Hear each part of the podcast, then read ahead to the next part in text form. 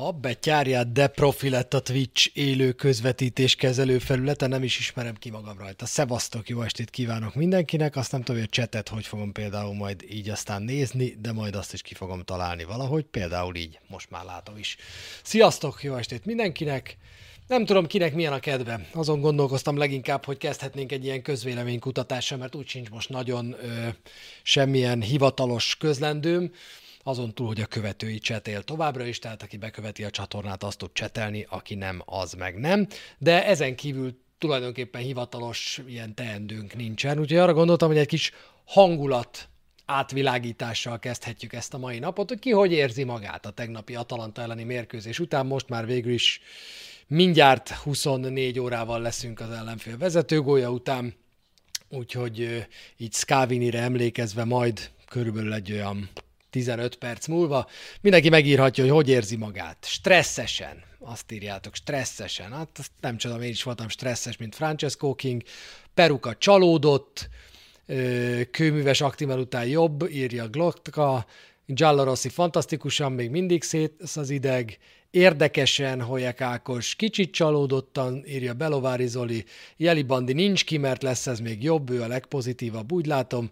Kicsit, vig- nem, Jamma pozitívabb, kicsit vigasztal, hogy az Inter és a Juve is szar. Írja, tetszett a támadójáték AS Roma fenetiknek, már nyugodtabb vagyok, írja HBL-hez, gratulálok. Na, hát Forza Róma Papitónak meg utólag is boldog születésnapot, és sajnálom, hogy a csapat egy picit elrontotta ezt. Brutus Arni meg reményteljes hangulatban van, nem úgy, mint V. Ship 72, aki azt írja, soha többé foci. Hát nehéz ügy. Nehéz ügy ezt a tegnapi mérkőzést értékelni, már csak azért is, mert, mert tényleg az emberben ilyen, ilyen, ilyen furcsa kettős gondolatok vannak bennem is. Azt én nagyon sokszor tapasztalom, mikor nézek egy mérkőzést, és ezt valaki írta talán ma nekem Twitteren, hogy, hogy szomorú vagyok a meccs végén, vagy, vagy csalódott vagyok a meccs végén, de nagyon ritkán vagyok meccs után ideges. Meccs közben igen, az a normál állapotom, de az, hogy meccs után ideges legyek és ilyen tehetetlenül dühös, az, az azokban az esetekben fordul elő velem, amikor a csapat jól játszik, a játék megy, minden alapján, ami a mérkőzésen történik, győznie kellene a Rómának, de ez valamilyen okból nem történik meg. És én most nem fogok arról beszélni, főleg az elején, hogy ez, sőt, arról végig nem fogok beszélni, hogy erről kifi tehetne, mert erről, hogy a Róma nem tudott nyerni az Atalanta ellen, arról egyáltalán nem kifi tehet, voltak rossz ítéletei, szerintem botrányosan vezette a mérkőzést, de tudjuk Kiffiről, hogy általában minden mérkőzést botrányosan vezet, nem csak a miénket. Hogy mi a bajom vele, azt majd, ahogy látjátok, a vége felé megbeszéljük. Előtte dumálunk egy picit Gasperini és José meccs utáni nyilatkozatáról, mert mind a kettő elég beszédes volt.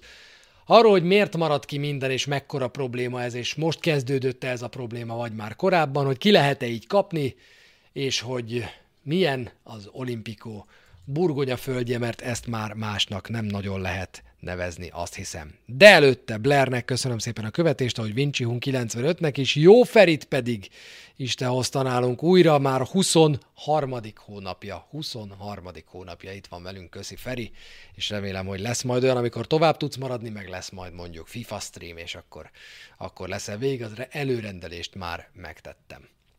Volt még valami az Atalanta elleni mérkőzés előtt, amivel pár mondatot azért foglalkozunk, ez a Helsinki elleni Európa Liga 3-0 volt. Nagy jelentőséget ne tulajdonítsunk neki, a csapat a 15. perctől kezdve emberölönyben játszott, szerintem egy jogos kiállítás után, tehát egy nagyon-nagyon szerencsétlen helyzet volt az, amiben Tenyó beleesett, de miután oda tette a hátsóját reflexből, hogy Belotti ne tudjon elmenni mellette, miután nem tudom, hogy ki oda passzolta neki a labdát, a csapattársai közül rosszul, pontatlanul nem nézett föl, ott volt pont Belotti, elhozta a labdát, utána kitette a hátsóját, Rájtala volt az talán, aki a rossz labdát adta, és aztán Tenyó megakadályozta azt, hogy egyedül törjön kapura Belotti, ez pedig piros lapos szabálytalanság. Ezután a Róma magabiztos volt, de azért egy Helsinki-t 11 a 11 ellen is meg kell tudni verni 3-0-ra, azt hiszem. Ez a 3-0 megtörtént, az első 60 percét láttam, teljesen egyértelmű volt a mérkőzés. Azok után, hogy beállt Dybala, és az első érintéséből gólt szerzett, utána már nem voltak kérdőjelek a mérkőzésen. Abban bíztam, hogy Temi Ébrahim formáján ez a gól is lendít egy picit, amit azon a mérkőzésen elért, de aztán ez sajnos nem így lett.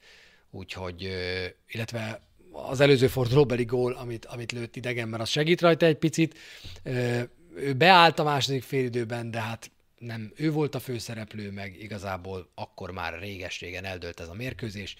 A lényeg az, hogy jön két meccs a Betis ellen, ahogy José Mourinho mondta, ezen fog múlni majd. Az, hogy melyik csapat lesz csoport első ebben a csoportban, az első az hazai pályán lesz majd rögtön az első héten a visszatérés után október első teljes hetében.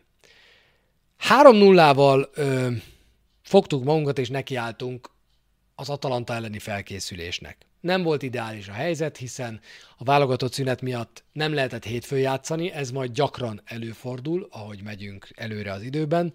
Például azon a hétvégén, amikor kezdődik majd az Eliup, október közepén, mert jön az NBA szezon is, azon a héten is a Róma majd hétfőn fog majd játszani, úgyhogy lesznek hétfők, úgyhogy akkor majd kedden lesz Falka ösztön, de most még ezt sűríteni kellett, úgyhogy csütörtökön este lépett pályára a Róma hétkor, és vasárnap este hatkor már játszani kellett. Nem volt sok idő a pihenésre, kérdéses volt, hogy hogyan tud ez a csapat felkészülni ennyi idő alatt az Atalanta elleni mérkőzésre, és Zsozé meghúzta a tökös lépést, vagyis kivette Maticsot a kezdő 11-ből, azok után, hogy a finnek ellen 90 percet játszott, és úgy döntött, hogy Dybala marad, Pellegrini pedig egy sorra hátrébb lép, Zaniolo visszakerült. Tehát elől Zaniolo, Ébrahim, Dybala lesz, és Pellegrini egy sorra hátrébb megy Krisztante mellé a középpályára. Na mondom, ez tuti. Én éppen ebben reménykedtem, hogy Zsozé ezt megmeri húzni. Hát akkor nézzük, hogy ebben a hangulatban, ezzel a felállással mire lesz majd képes a Róma. Vajon a pályán is olyan tökösek leszünk-e, mint Zsozé volt akkor, amikor összerakta a csapatot. Aztán jött a hideg zuhany, hogy Dybala megsérült, amit én akkor hallottam meg, amikor Zimi mondta, hogy Dybala végül is az utolsó pillanatban kikerült a kezdő 11-ből, úgyhogy fogtuk magunkat, és mégiscsak Matic került a kezdő 11-be, nem mondom, hogy örültem, főleg nem örültem Dybala sérülésének, meg annak sem örültem, hogy Matic visszakerült a kezdőbe, de hát tudtuk, hogy innentől kezdve ez a helyzet, megint a két kamionnal a középpályán meg kell próbálnunk valahogy megnyerni a mérkőzést. Közben egy picit megpróbálom elnémítani Baskát, aki üzenget nekem, de ez most nem sikerül, úgyhogy ha üzen, valami chip van, akkor az a Baska. Na, ez is ő volt. Szóval, izomsérülése volt Dibalának, az előző idényben öt ilyen sérülése volt. Egy és öt mérkőzés között hagyott ki Paulo Dybala. Nem ritka ez a sérülés nála, valamilyen comb-izom sérülés, de általában azért viszonylag gyorsan gyógyul. A válogatottba úgy tűnt az első órákban, mert erről szóltak az első hírek, hogy nem fog elmenni, végül mára ez átalakult, el fog menni Dybala a válogatottba, sérülten is, és majd az ottani orvosok megállapítják, hogy mennyire komoly baja van, tud-e játszani vagy nem. Argentina Hondurasszal és Jamaikával játszik barátságos mérkőzést, ugye nyilván a VB-s elejtezők ott is már befejeződtek, úgyhogy fogalmazunk úgy finoman, hogy a pályára lépése nem nagy muszáj. Az argentin válogatottnak én abban bízom, hogy nem fog pályára lépni majd, és hogy hazaengedik. A válogatottól nem hiszem, hogy az ő bő kerettagsága kérdés lenne az argentin nemzeti csapatban, úgyhogy nem a helyért játszik, mint mondjuk lenne ez a helyzet Temi Ébrehemmel, aki egyébként ott lesz az angol válogatottban. Pellegrini is megsérült a mérkőzés közben, hogy akkor menjünk végig a friss sérülteken, mert vannak páran. Ő a meccs közben jelezte mourinho hogy megsérült, de azt mondta, hogy nem akarja lecseréltetni magát, végig akarja játszani az Atalanta elleni mérkőzést, róla pedig az olasz válogatott orvosai fogják eldönteni, hogy van-e játékra alkalmas állapotban Anglia és Magyarország ellen. Az olasz válogatott keretéről majd egy picivel később a műsor végén beszélünk. Karsdorp pedig meniskusz sérülést szenvedett a Helsinki ellen, egy meniskusz szakadást szenvedett a Helsinki ellen. Ez az, ami nekem a mostani év elején végül is nem volt, neki igen, úgyhogy pontosan tudom, hogy hogyan zajlik a felépülés, valóban 5-6 hét egy ilyen teljesen rutin műtét után. Tehát ez a meniszkusz szakadás, a, a tércsebész alapvizsga gyakorlatilag. Tehát aki ezt nem tudja megcsinálni, az jó eséllyel nem lesz tércsebész. A legalapvetőbb térsérülés, amit egy villámgyors, egynapos műtéttel lehet korrigálni, ezt tették ma meg Kárzdorpal, utána elméletileg ma már lábon, saját lábán is akár hazamehet, el kell kezdenie mozogni és gyógytornázni jövő héten, 5-6 hét után elméletileg tökéletes állapotba lehet hozni a térdet. Én azt gondolom, hogy a sportpályára való visszatérés az ennél egy picivel hosszabb időt vesz igénybe. Én most úgy számolok, aztán reméljük, hogy Kárzdorp gyorsan gyógyul, hogy két hónapig szerintem nem számíthat rá a Róma. De hát igazából, ha belegondolunk, jobb hátvéd helyén ott van Cselik, jobb hátvéd helyén, ha nagyon kell, ott van Spinazzola, ott van Zalewski, aki mehet balra, és akkor Spinazzola átjöhet jobbra. Szóval most már nem állunk annyira rosszul, mint mondjuk álltunk volna tavaly. Apropó, Reynolds hétvégén megszerezte első gólját a belga bajnokságban. Úgyhogy igen, ahogy Bitter Tamás írja, ma már hazánkban is altatás nélkül műtik a meniszkuszt, ez pontosan így van, egy egynapos kórházi bentlétet jelent ez, semmi, semmi extra műtét. Amiről viszont beszélnünk kell, az a burgonya föld, amin játszunk, mert találtam egy nagyon-nagyon érdekes statisztikát. Látszott az Atalanta ellen is egyébként, hogy borzasztó állapotban van az olimpikó gyepe. Tehát én nem tudom, biztos a háttérben a Róma veri az asztalt. Én már, tudjátok, már két hazai meccsel ezelőttre prognosztizáltam, hogy Mourinho elkezd arról beszélni, hogy hát csessze már meg az olasz olimpiai bizottság, és csináljon valamit ezzel a fűvel, mert ezen nem lehet játszani én bízom benne, hogy most a két hetes pihenő alatt nem lesz majd Aerosmith koncert, meg mit tudom én micsoda az olimpikóban, és akkor lehet ezzel valamit kezdeni, lehet a gyepet egy picit pihentetni, valamivel jobb állapotba kerül majd a szünet után, de botrányos állapotban van. A statisztika pedig, amit találtam, az elég durva. Hét olyan sérülésünk volt ebben a szezonban, amely izomsérülés, vagy pedig játék közben, mérkőzés közben szedtük össze, ebből hatot hazai pályán sikerült összeszedni. Vejdáldum sérülését most félretesszük, az edzésen történt és egészen másfajta egy kontaktól történt sérülés, az nem ide való.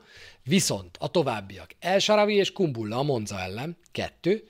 Zaniolo a Cremonese ellen, oké, okay, erre még lehet mondani, hogy rosszul esett, a vállára esett, vegyük félnek mondjuk.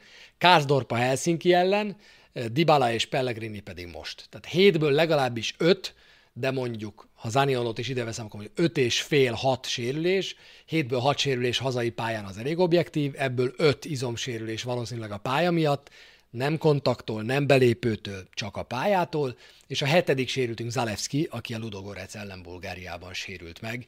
Tehát ő az egyetlen a hét sérültből, aki idegenben sérült meg, és nem hazai pályán. Szerintem ez borzasztó, az, hogy pár százezer euróért ezt nem hozzák rendbe, ezzel euró milliókat kockáztat. Mind a Róma, mind a Láció egyébként. Én most nem néztem utánam, hogy a Láció hogy áll egyébként sérültekkel, de ha ott még nem kezdődött el, majd elfog, ezek az izomsérülések, meccs közben összeszedett izomsérülések, ezek azért általában a rossz gyep miatt vannak, baromira nem jó egy ilyen göröngyös talajon játszani, leragad a lábad, megcsúszik a lábad, borzasztó sérüléseket lehet itt összeszedni, olyan tempó mellett, amit, amit például ezen a mérkőzésen játszani kellett.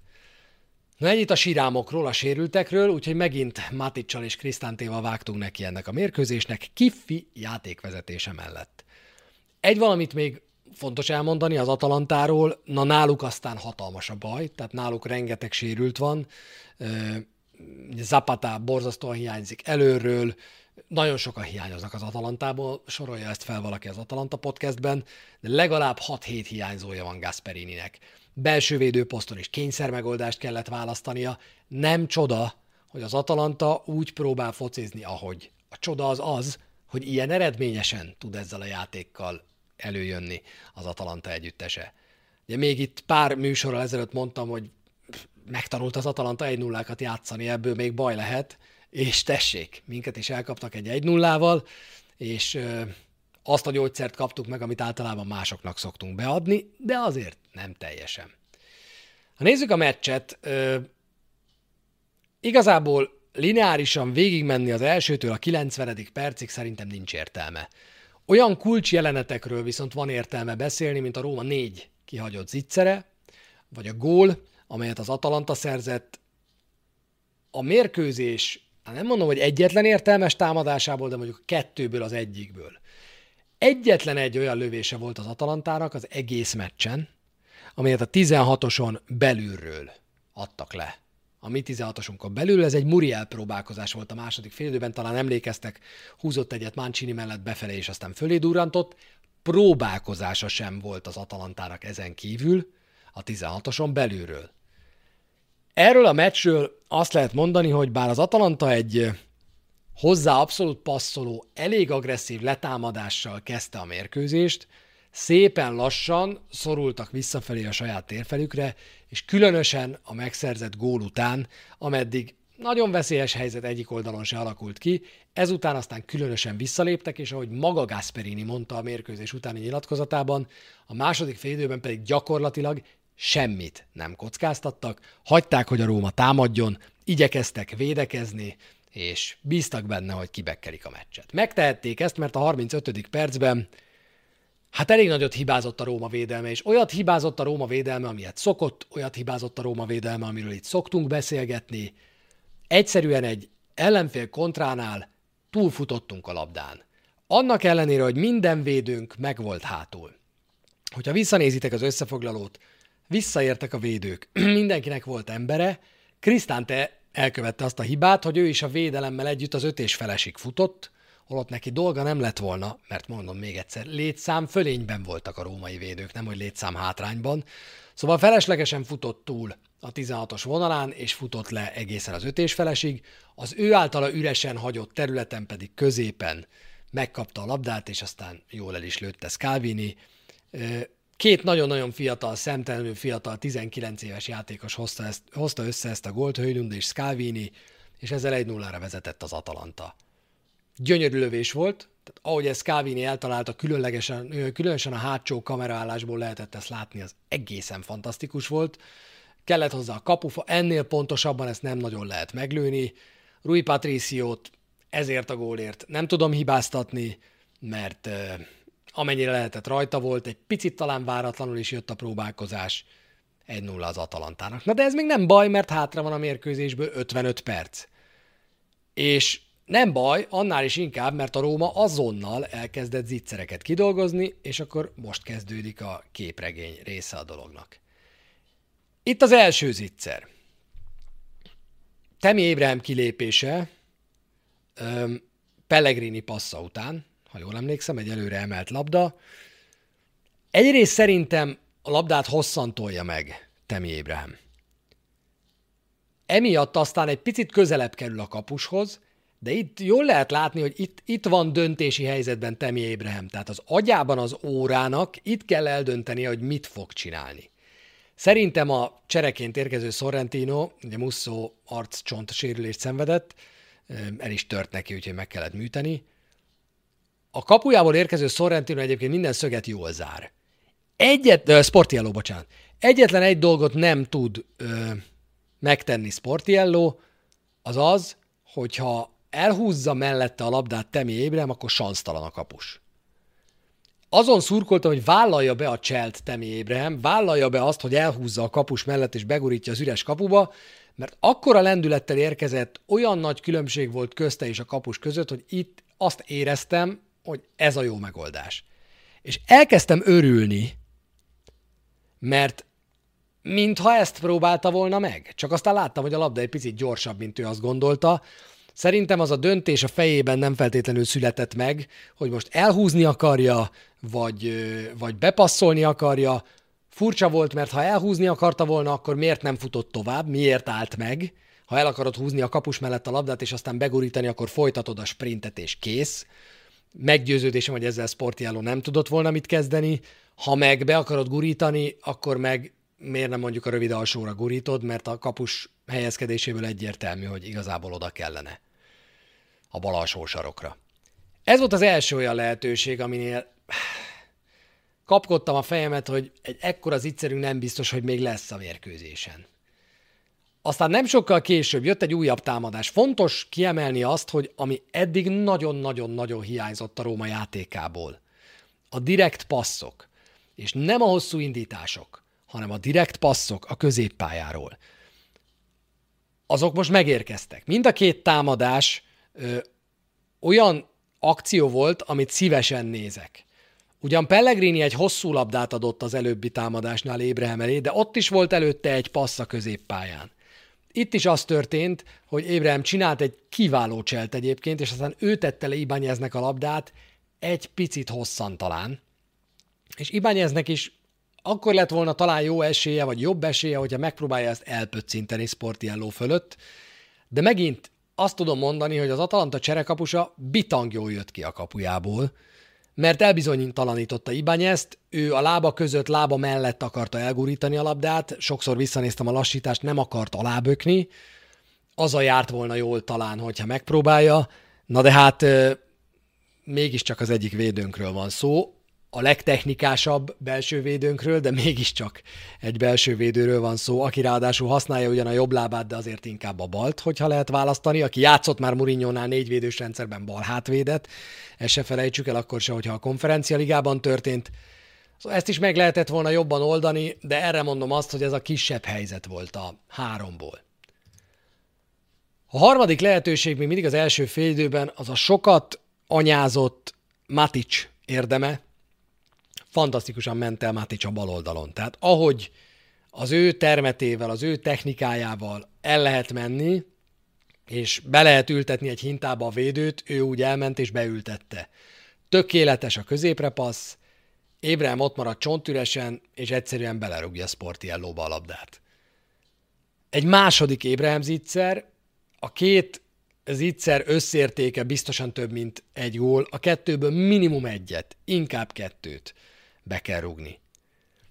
Ez a három zicsere volt a Rómának az első fél aminél én irgalmatlanul fogtam a fejemet, és nagyon-nagyon dühös voltam azért, hogy, hogy ezek, a, ezek az ittszerek kimaradtak. Volt egy jelenet, amit a szünetben rögzítettek a kamerák, és nem tudom, hogy láttátok-e. Azt hittem bekapcsolt a Playstation, de nem. Szóval nem tudom, hogy láttátok-e ezt a jelenetet, a szünetben rögzítették a kamerák, hogy jönnek már ki a játékosok a második félidőre, és Temi Ébrahim áll ilyen lehorgasztott fejjel, oda megy hozzá először Belotti, és paskolgatja az arcát, meg a hátát, meg mutatja neki, hogy gyerünk már, szedd már össze magad, aztán oda megy Matic, akkor már a térdére támaszkodik Ébrahim, Matic oda megy, átkarolja, jó van öcsém, minden rendben lesz. Ezekből a mérkőzés után napvilágot látott felvételekből én arra következtetek, hogy Mourinho iszonyatos lebúrást rendezett a szünetben, Temi Ébrahim mell szemben. Tehát olyan fejmosást csinált szerintem, hogy, hogy attól volt ilyen hangulatban Temi Ébrahim, mielőtt visszajött volna a második félidőre, és próbálta őt mindenki vigasztalni, de a második félidőben egyértelműen és érezhetően sokkal rosszabbul játszott, mint az elsőben. A Róma nem mondom, hogy rosszabbul játszott, mert tovább próbálták növelni az előnyt, illetve prób- tovább próbálták növelni a támadások számát, tovább próbálták növelni a fölényt, ami a mezőnyben megvolt. Az én ízlésemnek egy picit későn cserélt José Mourinho. Tehát most megmondom őszintén, hogy ezen a meccsen, ahol érezhető volt, hogy húha, ebben az összeállításban nem biztos, hogy menni fog. Oké, okay, hogy előrefelé cserélt Gasperini is, és ezzel egy picit megkötötte José Mourinho kezét abban a tekintetben, hogy nem biztos, hogy mert nagyon hamar cserélni. Azzal, hogy bejött előre, ugye már a, már a szünetben bejött Muriel, és aztán még a végén ugye bejött Marinovski, és igaz, már nagyon a hajrában volt, de próbálta megkötni a kezét egy picit Murinyónak, azzal, hogy friss embert hozott előre. Azt mondta Gasperini, hogy azért hozta be Murielt, mert egy sokkal biztosabb pont ő elő. Ezzel szerintem arra gondolt, hogy egy olyan pont, akitől a Róma aztán, aki, amelyet bár párszor elintézett, igazán tarthat. És tartott is ettől Mourinho. Az első csere a 67. percben jött Matic helyett Belotti. A második csere Ébrahim helyett Somurodov. Ez egy posztra csere 79. percben. Egészen a 87. percig, amikor Mancini helyére megérkezett Zalewski, igazából érdemben nem nyúlt a szerkezethez José Mourinho. Mert amikor Maticot levitte és Belottit fölvitte, akkor ugye Belotti ment előre, Matic helyére pedig visszalépett Pellegrini és engem ez zavart ezen a mérkőzésen. Azt gondolom, hogy abban a fölényben, amiben a Róma volt, lehetett volna egy picit többet kockáztatni, be lehetett volna előbb hozni Somurodovot, aki kihagyott helyzetet, de baromi aktív volt. Tehát az, hogy egyáltalán helyzetbe került igazából két alkalommal, öt perc alatt, Hát ezt Ébrem az első teljes félidő alatt mondhatta el magáról, jól mozgott Somurodov, de be lehetett volna sokkal előbb hozni Zalewskit például. Én nem tudom, hogy miért vártunk ennyit, miért várt Mourinho ennyit ezekkel a cserékkel. Ezt most én nagyon későinek éreztem. Persze mondhatja bárki, hogy Mourinho az 57. percben már kiállították, ne őt piszkáljam, de azt mindannyian tudjuk, hogy az a toll, az nem azért volt ott Mourinho kezében a lelátom, mert a lottó szelvényét töltötte ki, hanem azért, mert azon írta a kispadnak az összes utasítást, amit aztán valahogy eljuttattak hozzájuk. Volt még egy zicserünk, több zicserünk a második félidőben, egyet hoztam el, azt a helyzetet, amit már a beállt Somorodov puskázott el. Ennél az ittszernél meg azt érzem, hogy ha kaput talál, akkor gól.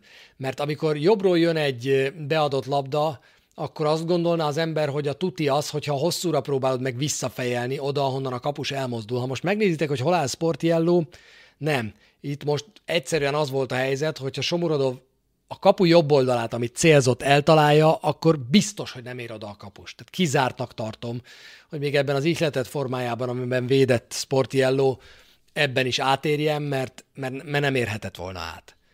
Ezt a helyzetét rontotta el Somorodov, és aztán még volt egy bepasszolt labdája középre, amit Belottinak szántott, egy picit lassú volt az a jobb külsővel bepasszolt labda, egy picit elakadt, úgyhogy ebből azért nem lett veszély. Sportiello egyszerűen ott maradt, és fél együttemmel később próbált meg dőlni a labda felé. Nagyon sajnálom, hogy 0-1 lett a mérkőzés vége, de, de jön az a kérdés, hogy ki lehet-e így kapni.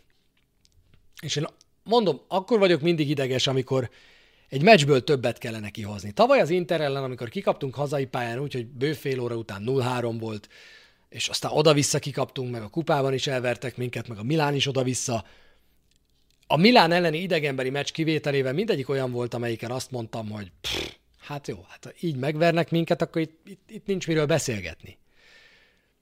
Azok a meccsek idegesítenek, amikor sokkal jobbak vagyunk, mint az ellenfél. És ahogy Mourinho elmondta a meccs után, ezt a mérkőzést a Rómának igazából gólokkal kellett volna megnyerni. Ezért nem értettem én az Atalanta nagy, nagy, nagy kaserolását a mérkőzés után a sajtóban, mert az Atalanta megúszta ezt a meccset. Ennyit tettek ezen a mérkőzésen, megúzták ezt a mérkőzést.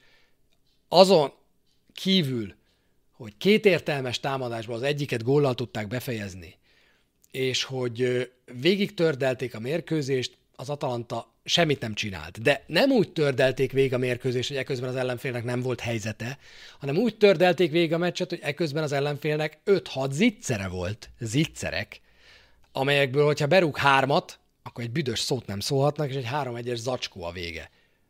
Válthattak volna nyilván, hogyha hátrányba kerülnek, vagy a Róma egyenlít.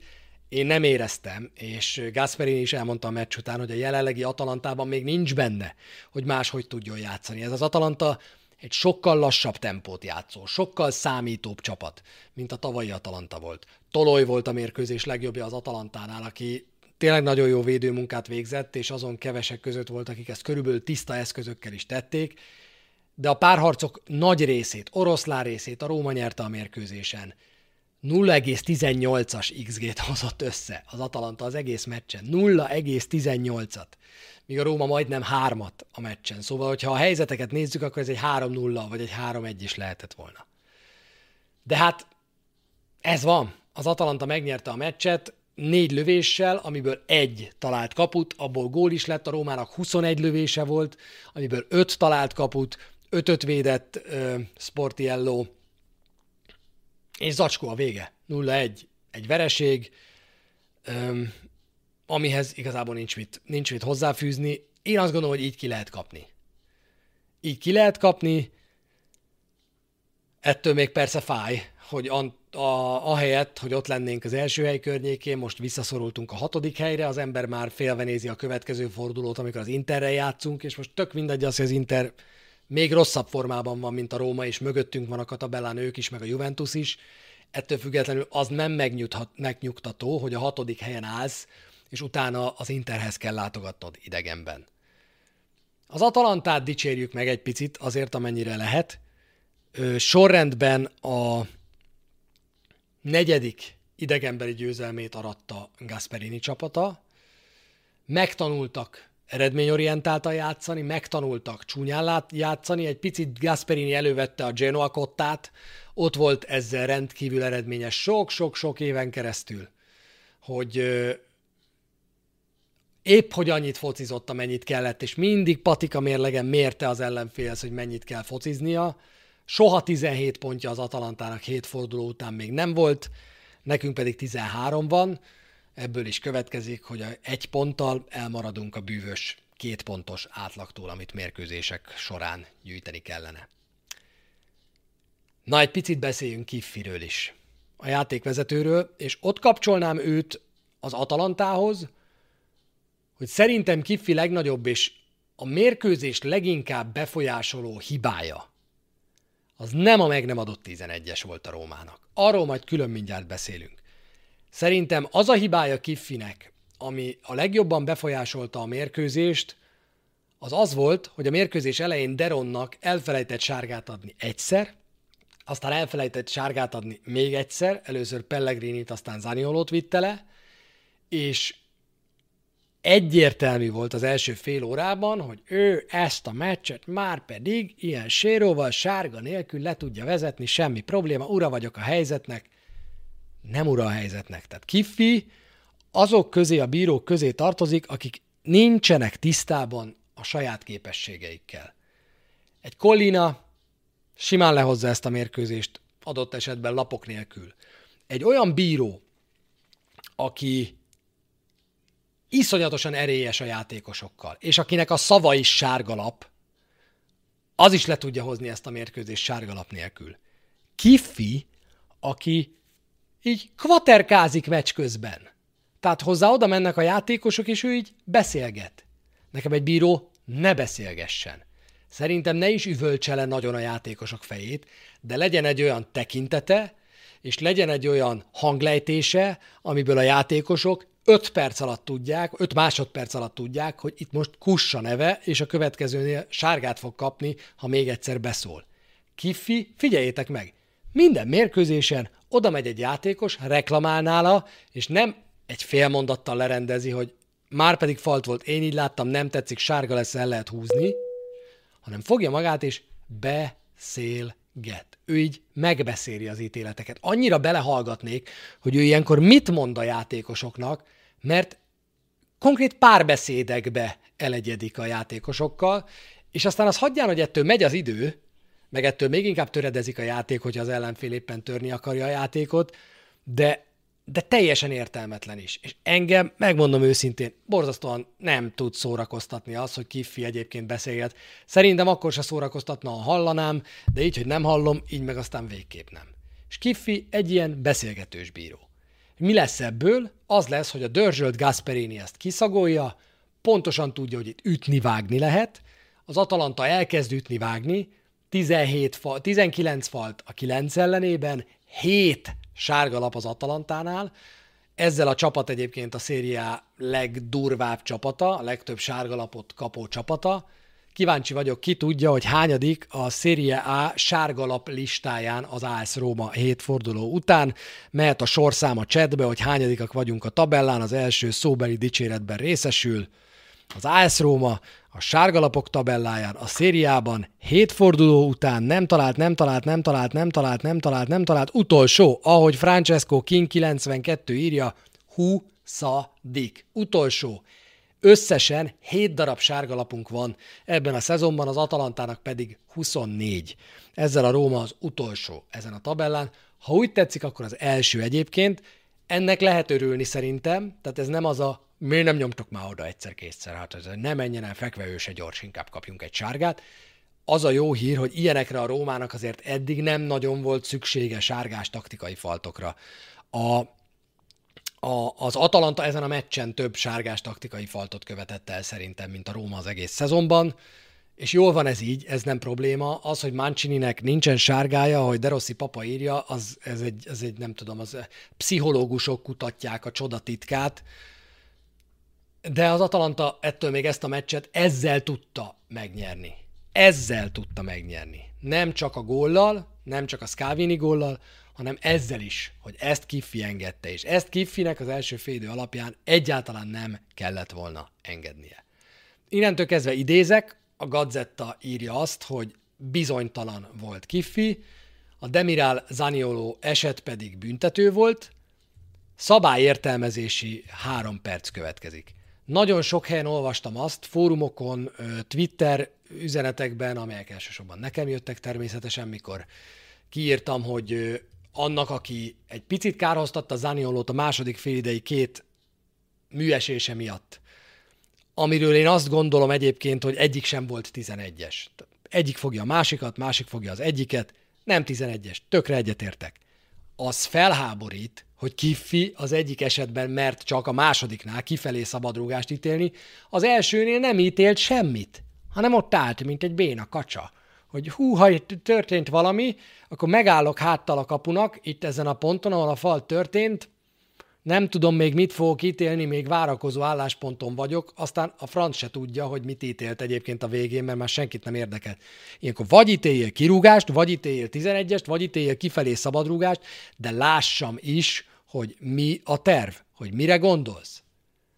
Visszatérve az Anioló faltra, az elsőre, a Demirál félére, egyáltalán nem csoda, hogy a második félidőben Zanioló dobálta magát. Mert amit Mourinho a meccs végén mondott, azt rohadt élet, hogy már elmondta Zaniolónak a szünetben. Figyelj öreg, meg ne lássam még egyszer, hogy elkezdik rángatni a mezedet, és te talpon maradsz. Itt most ki kell csúsznom ide. Ez Kifivel Zanioló mérlege. Ugye az alsó az a tavalyi Milán-Róma, amikor Tonálival rángatták egymást, és a síp néma maradt, azt hiszem, hogy én akkor azt mondtam, hogy ez egyébként egy helyes döntés volt, hiszen akkor is egymás mezét fogták. Zanioló szeret a védő mezébe kapaszkodni, ha kevésbé látványosan csinálja, akkor ebből még nagy haszon lehet. Na de az, hogy az első eset, amit most a jobb oldalon láttok, ez a Demiral Zanioló féle eset az első félidőben, hogy ez nem 11-es, azt én egyébként úgy kikérem magamnak, még ezután a képkocka után, és egyébként egy-két pillanatig fogja a mezét Demiral, azt a hibát követte el Zanioló, hogy talpon maradt. És azt mondta Mourinho a mérkőzés után, hogy ő érdeklődött Kiffinél egyébként, most a meccsen történt, ami történt, ki kellett állítani mourinho hát ne vicceljetek, hát fogja magát és berohan a pályára, meg akarja gyakorlatilag támadni Kiffit, nyilván, nyilván kiállítod. Játék, már ment a játék, elvégezte a szabadrugást az atalant, amikor Mourinho berongyolt a pályára. És akkor jön az, amit Hispán ír, és ez a legfontosabb. Egyetlen egy szabálytalanság van, ahol nem az számít, hogy hol kezdődik a szabálytalanság, hol történik a szabálytalanság eleje, hanem hogy hol a vége. Ez pedig a mezrántás, a lerántás. Képzeljétek el azt a szabályt, amelyik azt mondja ki, hogy ahol a lerántás történik, ott, ahol elkezdődik, onnan jár a szabadrúgás. Hát tudjátok, milyen vonatozás lenne ott a 16-os környékén? Hát be kéne nyomni a, a, a vonat nem vár Demié Rózsitól minden, a szerelemvonatot minden egyes mérkőzésen, mert nem történne más, mint hogy vezeti egy támadó a 16-os felé a labdát, elkapom a nyakánál fogva, bevezeti a 16-oson belülre, még mindig nem engedem el, még mindig nem engedem el, aztán amikor eltaknyom magától, akkor azt mondom, hogy ott, ott volt kinn a szabálytalanság, ott kezdődött. E-e. Szabálykönyv szerint lerántás esetén folyamatos húzás esetén az számít, hogy hol van a szabálytalanság vége. Nézzétek meg a szabálykönyvet, ez így van benne. Folyamatos húzás, rántás, messzhúzás esetén el kell engedned a 16-os vonal előtt, ezt meg is próbálta Demirál megtenni egyébként, csak hát a földön ült, nem pontosan látta, hogy hol a vonal. A lényeg az, hogy hol van vége ennek a messzhúzásnak. Onnan jár a szabadrugás, ahol annak vége van, mivel itt a 16-os vonalánál történt, ezért ez 11-es. Nem a második félidős két esetről beszélek, Hari, hanem az első félidős esetről beszélek, erről az esetről beszélek, amit ott a jobb oldalon látsz. Ott, ott Zanioló nem tudja húzni Demirált, mert nem olyan hosszú a karja. Egyszerűen az történik, hogy Demirál ki akarta engedni a labdát, ezt Zanioló nem engedte, elvette tőle a labdát, befelé el tudta még pöckölni külsővel, Demirál ezt észlelte, kizuhant az alapvonalon túl, majd rántotta lefelé magával Zaniolót. A baj az, hogy nem esett el. És erre mondja a José Mourinho, hogy udvariasan érdeklődött a bírónál a mérkőzés végén, hogy ilyen esetben el kell esni a játékosnak. Ki mondja-e valamilyen szabály azt, hogy csak akkor jár ezért 11-es, hogyha a játékos elesik? Hát nem, ilyet nem mond a szabály.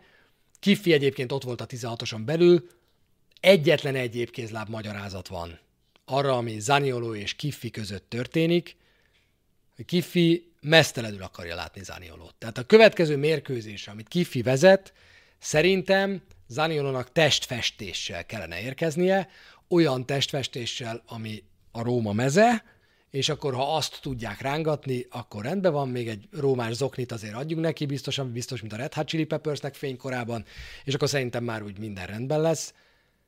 A VAR nem tudom, hogy mit csinált ebben az esetben, nem állították meg a játékot, nem akartak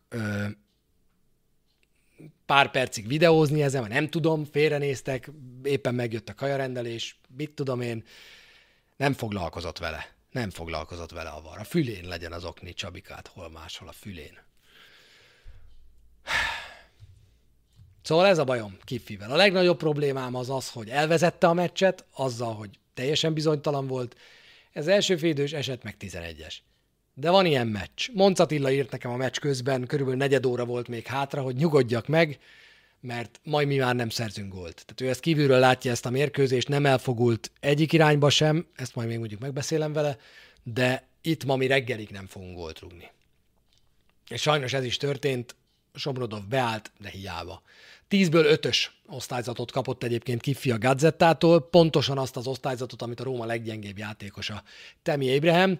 Ébrehemet sok kritika éri a szurkolóktól mostanában, sokan elmondják azt, hogy Temi Ébrem, hát mostanában inkább a gesztusaiból él, és ilyen nagyon teátrális, nyomja, nyomja a színi tagozatot, de, de kevesebbet csinál a pályán, és nyilván erről is beszéltünk itt már szerintem, ez addig áll neked jól, ameddig rugod a gólokat. Tehát addig szimpadiaskodhatsz nyugodtan. Amikor nem jönnek az eredmények, meg nem rugod a gólokat, és nem adod a gólpasszokat, akkor ebből vissza kell venni bennem megragadt az a jelenet, nem tudom, hogy előttetek ott van-e, amikor lecseréli José Mourinho Ébrehemet, és Ébrehem megy lefelé, és így ki, kitapsol a lelátóra, és a kutya füle nem tapsol vissza neki. Úgyhogy egy picit kiesett a Pixisből szerintem most Ébrehem a szurkolóknál egy-két góllal vissza tud oda kerülni. De hát miért nem mennek be a helyzetek?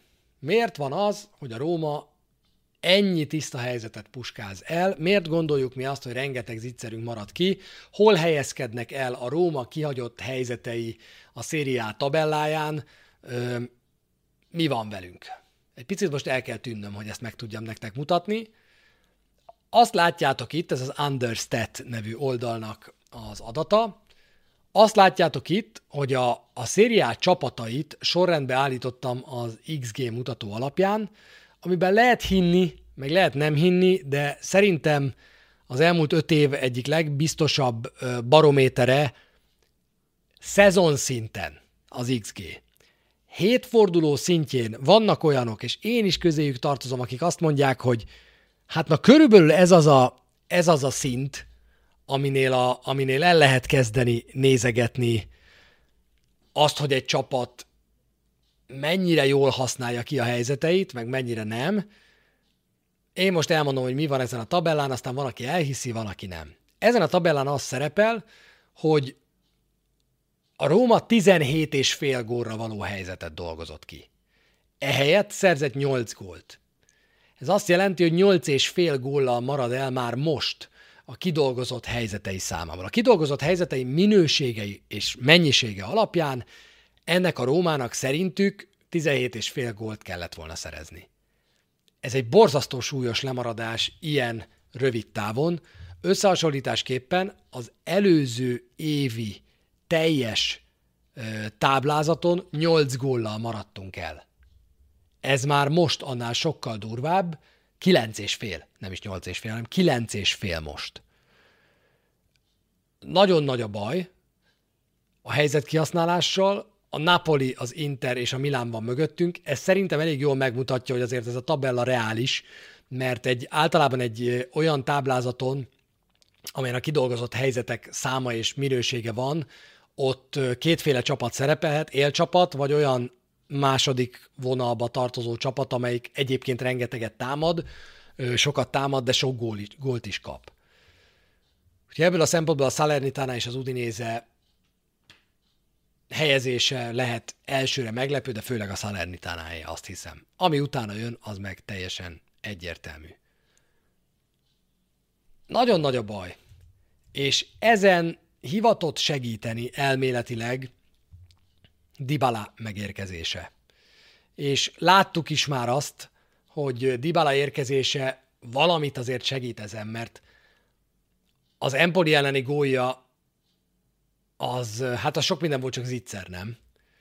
Az a passz, amit ő adott Temi Abrahamnek, az egy 80%-os helyzetet eredményezett szintén azon a mérkőzésen. Az, hogy tavaly a Rómának szintén kiemelkedően gyenge volt ez a statisztikája, azt egyértelműen annak tudhattuk be, hogy volt Temi Abraham, aki csatár volt, és senki más.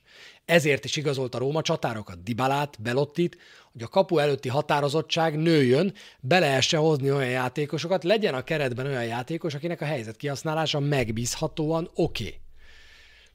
Nem érkeztek még meg a berugott helyzetek, én nagyon bízom benne, hogy megfognak, de egyelőre ez még, ez még nem történt meg.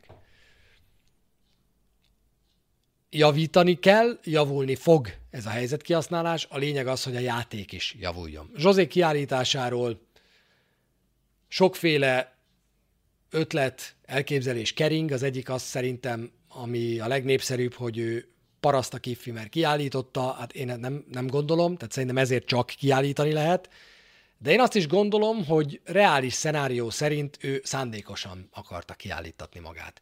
Ja, az igazán nagy edzők, azok néha tesznek ilyet, hogy egy kicsit így a beszoruló csapatukat, amelyik se előre, se hátra nem mozdul, de azért nyerni kéne, benne van a győzelem, azt egy ilyen sok terápiával próbálják meg kezelni. Greg Popovich, a San Antonio Spurs edzője, kedvenc kosárlabda edzőm, ezt nagyon gyakran eljátszotta a spurs Amikor egy gyengébb ellenfélel szemben mondjuk mínusz 20-szal kezdtek, akkor a második negyedben kiállítatta magát, tulajdonképpen mutatott egy középső ujjat a saját csapatának, elhagyta a területet, és ezzel egy picit felrázta lelkileg a csapatát. Sokszor ebből fordítások lettek. Ha valaki követte a kosárlabda Európa bajnokságot, ott az olasz kapitány Gianmarco Pozzéko is pontosan ezt csinálta, méghozzá a legnagyobb bravúr, a kosárlabda eb történetének egyik legnagyobb bravúrja akkor, amikor az olasz válogatott a szerbeket, Jokicsékat verte meg, Micicset, Jokicsot ebben a, ezen az Európa-bajnokságon, az szerintem kevésbé volt szándékos, de a hatást azt ott is elérte az olasz szövetségi kapitány, és a csapata valahogy neki érte, megnyerte ezt a mérkőzést. Úgyhogy én egyáltalán nem tartom kizártnak, hogy Mourinho direkt állítatta ki magát, és nem azért, mert az Inter elleni mérkőzés jön, hanem azért, mert, mert azt érezte, hogy ezen a mérkőzésen lehet ezzel fordítani, de, de nem sikerült neki. Harcoltunk, egy könnyen nyerhető mérkőzés lett volna, mondta Mourinho a meccs után. Minden mást, amit mondott, azt pedig tulajdonképpen már, már elmondtam, hogy megkereste a bírót, és megkérdezte, hogy vajon el kell esni ahhoz, hogy 11-est ítéljen. Azt mondta, hogy sem tőle, sem a mellette lévő segítőjétől, képviselőjétől, azt gondolom, hogy a játékvezetői bizottság ellenőre volt, nem kapott választ a kérdésére, mondta Mourinho. Na annak ellenére, hogy eléggé elszaladt az idő, Picit beszéljünk a többi meccsről, mert láttam nagy részüket, és hát ebben a körben elég sokan buktak. Az olasz sajtó pedig most másról sem cikkezget, mint arról, hogy kirúgják-e Massimiliano Allegrit, és mennyire van veszélyben Simone Inzaghi állása az Internél. Az Inter egy csúnya vereséget szenvedett Udinében, Bagoly mondja verémnek, hogy nagy a feje. Állítólag az Internél a probléma az, hogy megosztott az öltöző. Vannak az inzágisok, meg vannak, akik nem szeretik Simone Inzágit.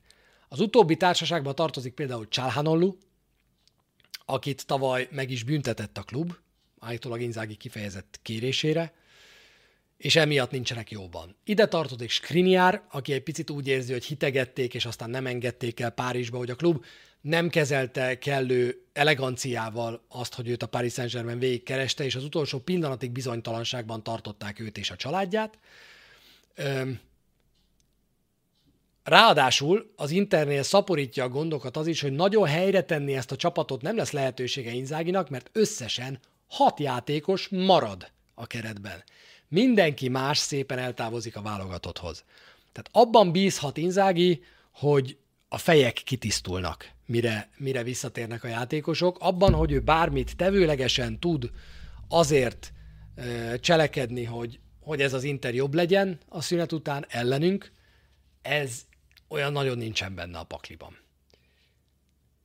Ami fontos, hogy ellenünk Brozovic nem játszhat majd, ő eltiltott lesz azon a mérkőzésen, már a szurkolók is kiakadtak egy picit az Interre, úgyhogy nem a legrosszabb pillanatban látogatunk hozzájuk, azt kell mondanom. A Juventusnál szintén áll a bál. Massimiliano Allegrinek azonban bizalmat szavaztak, legalábbis látszólag a meccs után, mert az ügyvezető igazgató Arriva Bene azt mondta egy mai nyilatkozatában, hogy a legnagyobb hülyeség lenne Allegrit most elküldeni, a klub ugyanis elkezdett a háttérben az, egy, felakaszt, egy felakasztott köpeny. Ez egy felakasztott iskolai köpeny. Megmutatom. Ja, nem, ez egy sikoly. Ez egy felakasztott iskolai köpeny a gyerek. Zavar, akkor ide rakom. Mind, minden bajotok van. Szóval, Hol tartottam? Juventus. Szóval Arriva Bene azt mondta, és az egy nem feltétlenül életbiztosítás, azt hiszem, hogy ö, hülyeség lenne most Allegrit kirúgni. Ugye ezt mondták Szárira is, aztán nem sokkal később, pár nappal később repült, de végigvette a gazetta azt a 12 edzőt, akik a legnagyobb valószínűséggel pályázhatnának a Juventus edzői posztjára, már ha erre pályázik valaki, és nem kell könyörögni érte ezekben az időkben. Nagyon nehéz az ügy. Tehát szerintem én ennél a névsornál három névnél állnék meg.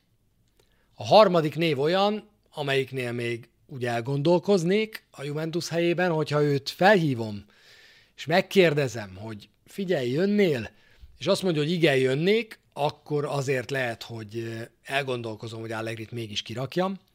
Az első név Tuchelé.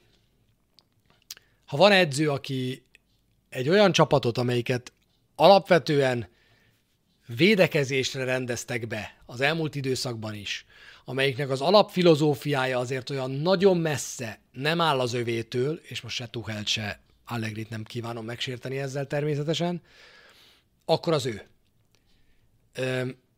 Szottilnak beletörne ebbe a bicskája most AS Roma fanatik, mert ő a támadásra építi az Udinéze alapstratégiáját azért alapvetően. Szóval az első név Tuchel, a második név, akit én mindig nagyon szerettem volna látni, hogy mire képes, és nem bántam volna, hogyha a Róma edzője, ő Pochettino, és a harmadik Zinedine Zidane. Aki pedig szerintem nem fog eljönni a Juventushoz, de a háromból is egy nevet kellene kiemelnem, akkor az Zidán. Zidán számára, aki egy nagyon válogatós pacák, de Zidán számára a Juventus nyilván érzelmi kérdés. Mégiscsak azért az a csapat, amelyikkel BL-t nyertél, mégiscsak az a csapat, amelyikben lehúztál ugyanannyit, mint a Real Madridban játékosként. Szerintem, ha a Juventus vezetői ügyesek, akkor tudnak úgy érvelni, hogy Zidánnak a, az érzelmeit egy kicsit megpiszkálják. Egy nagyon-nagyon jó pacák szerintem, aki rendet tud teremteni az öltözőben, egy játékos párti edzőnek gondolom, így távolról. Ha Zidán lenne az elérhetők közül a legelérhetőbb, akkor szerintem a Juventus lépne. És most arra ők már tudják szerintem, hogy Zidán elérhető vagy sem, de azért át kell gondolni azt is, hogy Zidán helyében vállalod -e ezt a munkát. Mert valószínű, hogy a BL-ből már csak egy nagyon nagy bravúrral lehet tovább menni, Eközben össze kéne szedni a csapatot úgy, hogy négy beérjen a bajnokságban. Én erre garanciát Zidán helyében ebben a pillanatban nem tudnék adni. Pogba az új évig nincsen, folyamatosan érik a sérülések a Juventus-t. Össze fogja szedni magát ez a csapat, de szerintem ebben a pillanatban Allegri a legreálisabb opció. És hogyha Allegrit ki kéne rúgni, akkor nagyon nagy bajban lenne a Juventus. A negyedik név a listán Benitez, és akkor tovább nem is mennék, mert a többi már vicc. Szerintem Ranieri nem vállalná el a Juventus-t, persze aztán nem tudom. úgyhogy ennyi a Juvéról meg az Interről. Ez a két csapat van bajban, és ezzel van most tele a sajtó. A Milán-Napoli mérkőzést is láttam, hát ott a Milán úgy járt kicsiben, mint mi. Az Atalanta ellen kikaptak kettő egyre egy jó játszó Napolitól, amelyik ilyen, mint egy, mint egy a susnyásban megbújó vadász így várta a megfelelő alkalmat, és egyszer lecsapott. Aztán volt még egy megfelelő alkalom, még egyszer lecsapott. A kettő között meg védekeztek, megúztak egy-két dolgot. A Milánnak összességében ezt a meccset simán lehetett volna akár nyerni is, nem hogy egy pontot szerezni. Pont ezek a meccsek voltak azok, amiket eddig a Milán szerintem meg tudott nyerni, amelyek nem feltétlenül neki álltak, mégis meglett. Ez most így ebben az összeállításban Leo nélkül nagyon nehéz volt. Kvaratskhelia szerintem megint piszkosul jól játszott, annak ellenére, hogy most nem rugott gólt, de, de sárgáztatott ellenfeleket, le kellett róla cserélni embert, nagyszerűen játszott szerintem Kvaratskhelia. Továbbra is azt gondolom, hogy a szezon felfedezetje nagyon vicces lesz még az ő kezdő kártya értéke a FIFA-ban majd, amikor kijön szeptember 26-án. A válogatottról még pár mondat, aztán utána kommentek és megyünk, hogy el lehet kezdeni gépelni azokat a kérdéseket, amelyeket nekem szántok esetleg, vagy véleményeket, azt is bírom. Az olasz válogatott keretben nincs. Chiesa, Berardi, Florenzi, Locatelli, Verratti és kérdéses Tonali, valamint kérdésessé vált Pellegrini is, utóbbi két játékos ugye ebben a fordulóban sérült meg. A Rómából ezen kívül pedig nincs Zaniolo, Belotti és Mancini sem. És Spinazzola sem. Egyes egyedül Cristante van ott tutira a válogatott keretből, és Pellegrini egészségi állapotán múlik majd az, hogy ő megye. Úgyhogy aki Róma játékosok miatt ment volna szeptember 26-án, az nem menjem. Nem mondom, hogy egy picit örülök már, hogy nem kaptam jegyet, mert próbáltam egy jegyet venni, de nem sikerült. Kuncsorogni meg fog a franc. Úgyhogy legfeljebb Krisztánte és Pellegrini lesz jelen a puskásban jövő hét hétfőn. Unalmas hét jön, de utána jön majd egy intermérkőzés két hét múlva, és aztán utána pedig egy meglepetéssel is jövök, remélhetőleg már arra az alkalomra, úgyhogy majd mindenképp gyertek akkor is az Inter elleni mérkőzés másnapján. Most viszont nézzünk rá a csetre, mert azt eddig még nem tettük meg. Szerintem nagelsmann biztos, hogy nem dobják ki. Szerintem nem. Októberben állítólag jön a Róma új stadion projektjének bemutatója. Hallottam erről. Giallo Rossi 81 hallottam, de úgy hallottam, hogy az önkormány, a római polgármesternek, meg a római városi önkormányzat építész osztályának kezdik el prezentálni ezeket a terveket. Ugye lehetett hallani erről egy rossz hírt ezen a héten, amit eredetileg úgy volt, hogy hozok is, de aztán utána úgy döntöttem, hogy mégse. A rossz hír az úgy szólt, hogy Hát ott is baj van a talajjal. Kedves Fritkinék, ugyanúgy fogtok járni, mint az elődötök járt, mert megnéztük, és itt se jó a talaj, nem nagyon lehet építeni. És aztán most a polgármester azt mondta, hogy mindenki nyugodjon meg, mert attól megnyugszik, nincsenek ilyen bajok, a Róma októberben fogja majd prezentálni a terveket, és ők azt nagy szeretettel várják. Igen, úgy van, hogy Pesti András írja, gond van a talajja, a talajszerkezettel ekkora stadiont ott nem lehet építeni, Szerintem ez elég komoly bullshit, eh, hiszen ahol metró van, oda szerintem egy stadion nyugodtan fel lehet húzni, de azt hiszem arról van szó, hogy rossz a talaj. Szerintem erről van szó. Vannak olyan meccsek is, amikor nagyon nehezen kreáltunk helyzeteket. Az első fél időkben rendszeresen látom, hogy három emberrel támadunk hat hétvédő ellen, és sehova se jutunk. Ezzel kéne valamit kezdeni, hiszen a többi csapat is tud több embert fel alá mozgatni a pályán. Igen, Markov, de That's Mourinho Ball. Ez a Mourinho foci nem fog kockáztatni addig, ameddig nem muszáj kockáztatni. Ez José Mourinho futballja, ezt vagy megszereted, vagy belepusztulsz a látványtalanságba, mert, mert ez így van. Zagadou Stuttgart 8, 4 évre, igen, Máté Marci láttam, használják egészséggel. Nem lenne jó egy offenzív koordinátor a csapatnak, mondjuk egy Totti, ha bár most biztos el van foglalva, de mégiscsak valaki. Hát, figyelj, Ákos, én tudom, mint kezdtem el gondolkodni, és ne arra, hogy most nem pont a kérdésre fogok válaszolni, Totti nyilván nem. Offenzív koordinátor azt gondolom, hogy van a csapat mellett, tehát van olyan, akinek a támadó játékot kellene igazgatnia. Én nekem az jutott eszembe, hogy olvastam egyszer az Atletiken egy anyagot arról, hogy hogy változott meg a Liverpool játéka, és mennyivel több támadást, értelmes támadást tudnak vezetni azóta, hogy, ne rög, igazoltak egy bedobás edzőt. Igazoltak egy olyan edzőt, aki nem foglalkozik mással, mint azzal, hogyha a pálya különböző pontjairól a csapat javára a játékvezető bedobást ítél, akkor ezeket a helyzeteket hogy kell megoldani. És szerintem, ha valami kellene ennek a Rómának, az egy bedobás edző, vagy minimum a Liverpooli bedobás edzőnek a jegyzetei, amiket valahogy meg kéne szerezni, nem tudom, Szala vagy Alisson küldje el, mert hogy a bedobásaink borzasztóak, amikor az ellenfél letámad, és semmi nem lesz belőlük, az mind-mind egy elvesztegetett támadás. A legjobb opciót mondom, Cselik bedobja, Pellegrini visszaadja, Cselik puff, előre rúgja. És az jó, mert akkor már nem adtuk el a labdát, és átkerült az ellenfél térfelére. Szóval én inkább egy bedobás edzőt szeretnék, ha már. Nem lassú a középpályán? Ó, de hogy nem, de rossz papát. Ez a Matic, mit gondolsz, miért hívom a Matic Krisztánte párost két kamionnak? Azért, mert borzasztóan, borzasztóan lassúak.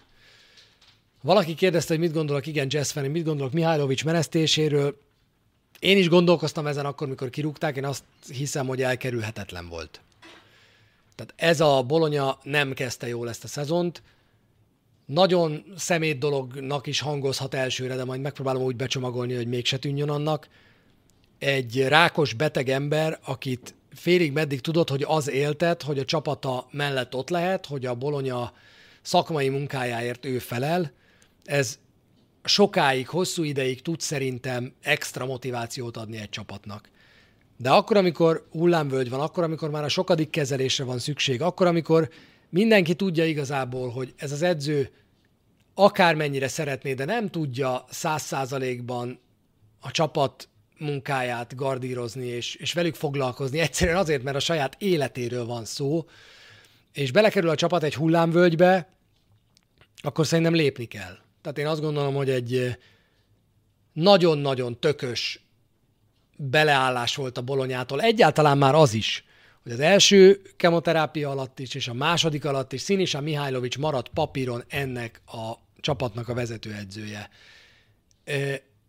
De eljött az a pillanat, egy ilyen rossz szezon kezdett, amikor, amikor muszáj volt váltani. És senki nem vádolhatja azzal a Bolonya vezetését, hogy nem voltak korrektek, mert végtelenül korrektek voltak szerintem Sinisa Mihajlovicsal. Csaba, lenne egy olyan kérdésem így a Lobesz, hogyha netán Zsozét meneszteni a klub, ami remélem nem történik meg egy ideig, ki lenne a megfelelő edző a padra a farkasok számára? Püj! Hát egyrészt ne történjen meg, másrészt meg ugye ez mindig attól függ, hogy akkor éppen ki van a piacon. Ha most azt a kérdést teszed föl nekem, hogy a jelenleg elérhető edzők közül kit látnék legszívesebben a Róma padján, akkor egyértelműen Tuhelt mondom. Azért mondom Tuhelt, mert egy végtelen tüzes edző, és ebben, és, és nagyon fontos az, hogy bárki is jön Mourinho után. Egyébként az nagyon jó a kérdés, mert én ettől félek egyébként. Ha bárki jön Mourinho után, az Mourinhohoz képest egy ilyen sótlan, teszetosza pöcsnek fog tűnni. Akkora a színház, hogy azután mindenki azt fogja gondolni, az, az edző, amelyik jön, az ilyen csak sűrűbben vagyunk vele. Egy nagyon karizmatikus edzőre van szükségünk, egy nagyon karakteres edzőre lenne szükségünk José Mourinho után, ezért jut eszembe Tuchel.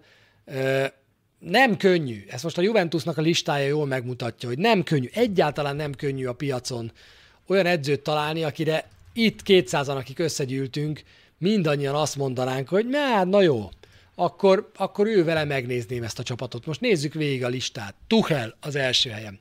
Pochettino a másodikon. Én őt megnézném Ugyanakkor a Tottenham és a Paris Saint-Germain után nem tudom, hogy mikor fog legközelebb állást vállalni. Zinedine Zidane szerintem egyértelműen egy nem lehetséges opció. Rafa Beniteztől kívánom magamnak és mindenkinek, hogy mentse meg az Isten. Ötödik helyen Paulo Souza, egy nagyon konok, nagyon jó fej volt egyébként velem Fehérváron, de, de kevés ehhez a feladathoz. Claudio Ranieri tűzoltásra jó, másra nem. Ha Ranieri elérhető a szezon végén, hatodikak vagyunk és kirúgják Murinyót, akkor Ranieri lesz a Róma edzője szerintem. Bielsa, egy érdekes gondolat. Sose volt edző Olaszországban, nem fogom neki megbocsátani, hogy egyszer majdnem a Láció edzője lett. Nem. San Pauli nálam egyértelmű nem, Joachim Löw nálam egyértelmű nem, Ole Gunnar Solskjaer nem is tudom, hogy került a 12-es listára, kikeszett ilyen egyébként nem annyira rossz ötlet szerintem, és akkor tulajdonképpen Dejan stankovic fejeződik be a lista, és nem gondoljátok, hogy rá igen mondanék. Szóval ennyi. Körülbelül ennyi a lista, amiből válogatni lehet. Ebből én őszinte szívvel Tuherre mondanám azt, hogy oké, okay, gyertek lövcicával, aztán rakjátok rendbe ezt az alakulatot. Hú, de túlszaladtunk az időn. Nagyon-nagyon túlszaladtunk az időn, úgyhogy én most megyek. Örülök, hogy itt voltatok. Jön egy kis szünet, nekem is, nektek is. Ha bármi nagy dolog történik a Róma háza táján az elkövetkezendő két hétben, akkor természetesen majd jövök. Ha nem, akkor arra lehet számítani, hogy a következő stream az nem Falka ösztön lesz, hanem még az, is, az se kizárt, hogy valami játék. Úgyhogy figyeljétek a Twittert, meg az se kizárt, hogy FIFA. Úgyhogy figyeljétek a Twittert, meg az Instagramot, meg a mindenfélét. Kösz mindenkinek a streamet. A Friedkin videó valóban jöhet ebben a két hétben. Elhatároztam, hogy most már befejezem. Tegnap is írtam hozzá egy keveset. Az a baj velem, nem szeretek, nem szeretem a szerintem tökéletesség előtt se két mondattal felvenni és kiadni a videót, úgyhogy még egy kicsit türelmet kell kérnem. Menjetek el és nézzétek meg moziban a Top Gun Maverick-et, ha még nem láttátok. Mert annyira jól szórakoztunk mi a hétvégén, amikor elmentünk megnézni, hogy nagyon kíváncsi voltam, hogy mit tud ez a film, annyian dicsérték. Kíváncsi voltam akkor is, amikor beültem a moziba, és azt láttam, hogy basszus, hónapok óta megy ez a film, és még most is félház van a moziban, mi a fene történik itt egy tökéletes szórakozás. Úgyhogy addig is, amíg van időtök, menjetek moziba, nézzétek meg. Azok, akik esetleg videóvágással foglalkoznak, azoknak egyszerűen kötelező, kötelező nézemény. Hogy hívják azt, ami nem kötelező olvasmány, de meg kell nézni. Kötelező filmélmény, mondjuk így. Jó ét mindenkinek! Szevasztok, szevasztok, Forca Róma!